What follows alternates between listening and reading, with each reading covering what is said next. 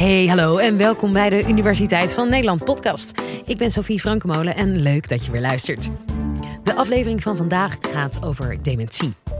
Dan denk je vast aan oude mensen wiens geheugen steeds verder achteruit gaat. Maar wat is dementie precies? En waarom krijgt de een het al op jonge leeftijd en de ander helemaal niet? Epidemioloog Arvan Ikram van het Erasmus UMC vertelt het je in deze aflevering.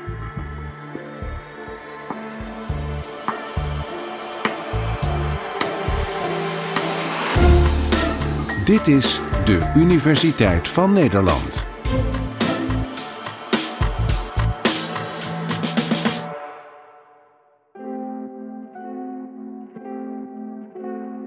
Dementie is een nare diagnose om te krijgen.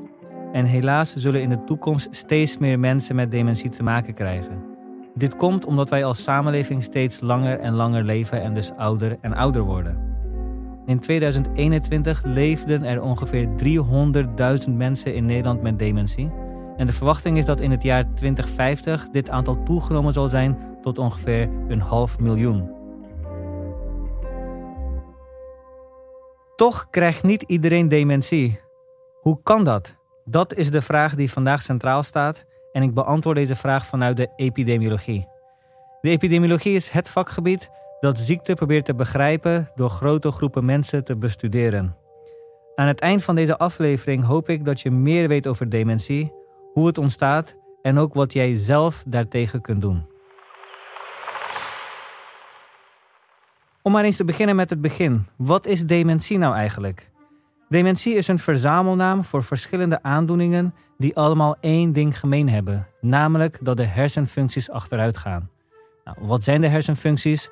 Dat is bijvoorbeeld het geheugen, maar ook denksnelheid, ruimtelijke oriëntatie en planning. En deze achteruitgang is dusdanig ernstig dat het iemand belemmert in zijn of haar dagelijks functioneren. Dementie is dus een verzamelterm voor heel veel verschillende soorten aandoeningen. En de meest bekende daarvan is de ziekte van Alzheimer, maar ook bijvoorbeeld de vasculaire dementie. Maar ook andere types, zoals frontotemporale dementie en Lewy body dementie. Wat kenmerkend is bij al deze typen, is dat elk type gepaard gaat met een bepaalde soort schade in de hersenen. Maar het belangrijker te realiseren is dat bij één willekeurige patiënt niet één type schade aanwezig is, maar dat eigenlijk bij elke patiënt er een combinatie van schade aanwezig is die gezamenlijk voor de dementie zorgen. Elk type dementie heeft dan ook zijn eigen oorzaken en ook eigen symptomen die daarmee gepaard gaan. Laat ik eerst even inzoomen in de ziekte van Alzheimer. Wat gebeurt er nou precies in de hersenen? Je hersens bestaan uit verschillende gebieden die met elkaar continu in verbinding staan en eiwitten spelen een heel belangrijke rol in het goed functioneren van je hersens. Je moet je eiwitten opbouwen, afbreken en opruimen.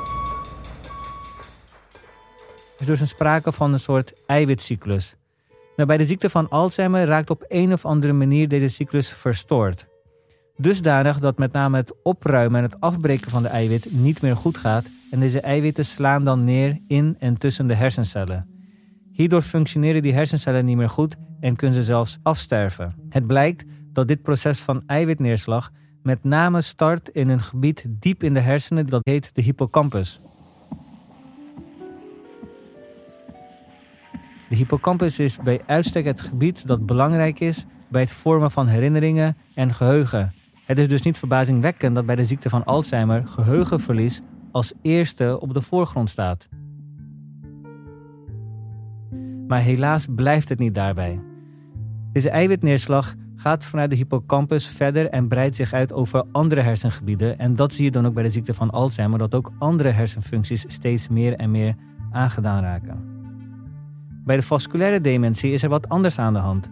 Daar is er met name schade aan de hersenvaten de bloedvaten in de hersenen. Deze worden steeds nauwer en nauwer en dat zorgt ervoor dat de bloedtoevoer belemmerd wordt naar bepaalde hersengebieden, waardoor dan de hersencellen daar afsterven. Als dit heel plotseling, dus heel acuut gebeurt, dan spreken we van een beroerte. Maar dit proces kan dus ook heel langzaam en sluimerend optreden. Dat zie je vaak bij vasculaire dementie. Wat belangrijk hierbij is, is dat met name de gebieden die de verbindingen tussen hersendelen vormen, die zijn met name gevoelig voor afnemende bloedtoevoer. Wat je dan ook ziet, is dat bij vasculaire dementie traagheid op de voorgrond staat. Traagheid in het denken, in het spreken, maar ook in het bewegen, zoals wij het lopen. Los van het type dementie is er wel een standaard patroon te herkennen. De ziekte begint altijd sluimerend met hooguit één of twee hersenfuncties aangetast, maar naarmate de ziekte vordert, zie je ook dat er steeds meer en meer hersenfuncties aangetast worden. In het eindstadium van dementie kan de ziekte zelfs dusdanig ernstig zijn dat iemand volledig bedlegerig wordt of bijvoorbeeld ook helemaal niet kan praten en ook niet meer kan slikken. Gelukkig komt het ook regelmatig voor dat de ziekte veel trager verloopt. Er zijn dus ook mensen met dementie die jarenlang onafhankelijk en zelfstandig kunnen blijven leven. Waarom krijgt de een nou wel dementie en de ander niet? Laat ik daarvoor beginnen bij dementie die optreedt op relatief jonge leeftijd, zo tussen het 40ste en 50ste levensjaar. Van alle patiënten met dementie komt dit gelukkig heel weinig voor. Zo ongeveer 4 tot 5 procent van alle dementiegevallen is op jonge leeftijd. Wat hier aan de hand is, is dat deze patiënten een afwijkend gen met zich meedragen dat ervoor zorgt dat de dementie optreedt. Hier kan je niks aan doen. Dit gen heb je overgeërfd van je ouders en dit wordt ook wel een genmutatie genoemd. In dit geval is de dementie dus volledig erfelijk. Laten we dan eens kijken naar dementie die later in het leven optreedt, met een gemiddelde leeftijd van ongeveer 80 jaar. Waarom krijgt in dit geval de een wel dementie en de ander niet? En eigenlijk is deze vraag te vertalen naar de vraag: hoe komt het dat bij de ene persoon er hersenschade zich ophoopt en bij de andere persoon niet? Hierbij merk ik op dat de oorzaak van deze hersenschade niet terug te voeren is tot één enkele oorzaak, maar dat het eigenlijk eerder een wisselwerking is tussen vele oorzaken. Enerzijds alsnog genetische oorzaken, maar ook leefstijloorzaken. In dit geval gaat het niet om de genafwijkingen of genmutaties die ik zojuist besprak, maar gaat het eerder om genvarianten of zogeheten gevoeligheidsgenen. Dit zijn genen die zorgen voor subtiele variaties tussen personen en die zorgen ervoor dat het risico op dementie subtiel verhoogt of verlaagd wordt. Dus in dit geval niet 100% zoals bij een genmutatie, maar subtiele verhogingen in je risico op dementie. En het blijkt dat deze genvarianten bijvoorbeeld van invloed zijn op hoe goed jouw lichaam de eiwitten kan opruimen, maar ook bijvoorbeeld hoe goed jouw hersenvaten bestand zijn tegen hersenschade. Nu je weet dat dementie ontstaat door een combinatie van vele factoren met elk een kleine bijdrage, vraag je je misschien af: wat kan ik doen om mijn risico op dementie te verlagen? Nou, daarvoor moet je dus kijken naar de leefstijlfactoren, want daar heb je invloed op. Dus niet roken, gezond leven, veel bewegen.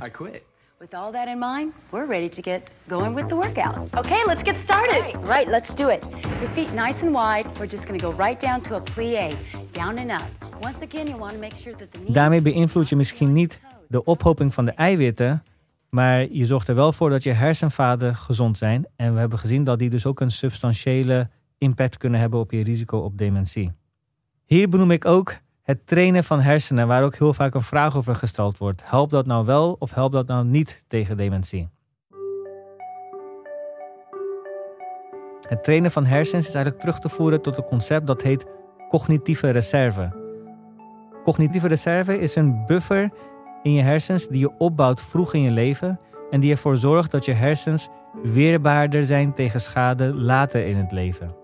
Deze buffer bouw je op door je hersens uit te dagen met complexe taken. Uiteraard hoort opleidingsniveau daarbij, maar ook andere activiteiten, zoals een muziekinstrument bespelen, aan denksport doen of anderszins je hersens uitdagen. Het gaat er namelijk om, daag je hersens uit, daarmee worden ze wendbaarder.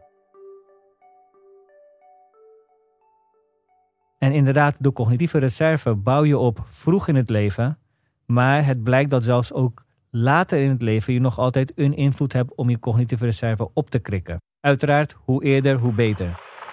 Dit concept van reserve verklaart mogelijk ook de anekdotes die je hoort dat iemand nadat hij of zij met pensioen is gegaan ineens heel snel achteruit kan gaan. Dat zou bijvoorbeeld te maken kunnen hebben dat de uitdaging voor de hersens wegvalt. Met andere woorden, dat de, het, de opbouw van de reserve dus wegvalt en die persoon dus vrij snel daarna achteruit zou kunnen gaan. Nou, dit is allemaal wat je persoonlijk kunt doen voor je eigen risico op dementie. Ik wil hier ook nog kort even stilstaan bij onderzoek naar een medicijn tegen dementie. Vaak lees je berichtgeving waarin staat van een nieuw medicijn tegen dementie ontdekt of een nieuwe oorzaak voor de ziekte van Alzheimer in kaart gebracht. Controversial new treatment for Alzheimer's has been approved by De regulators. Alzheimer-expert uh, in Nederland. Een medicijn dat de ziekte kan remmen. Ja, het bijzondere van dit medicijn is dat het de ziekte in de oorsprong aanpakt. hè, dus debilitating disease. The breakthrough could lead to new treatment and even prevention of Alzheimer's. Nu je weet dat dementie een multifactoriële aandoening is, dus een aandoening waar heel veel verschillende factoren aan bijdragen, kan je dit soort berichtgeving ook veel beter in perspectief plaatsen. Want wat er namelijk gebeurt is dat er waarschijnlijk één zo'n factor beter ontrafeld is, of dat er een medicament ontdekt is wat één of enkele van deze factoren beïnvloedt. De verwachting dat er dus een wondermiddel tegen dementie gaat komen, is dus eigenlijk niet terecht.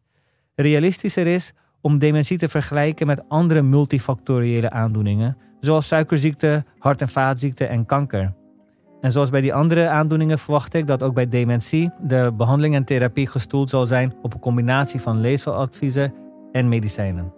Het onderzoek naar dementie en de oorzaak ervan duurt dus nog altijd voort. We komen steeds meer en meer te weten over de ziekte en hoe het ontstaat. En dit is een proces van kleine stapjes.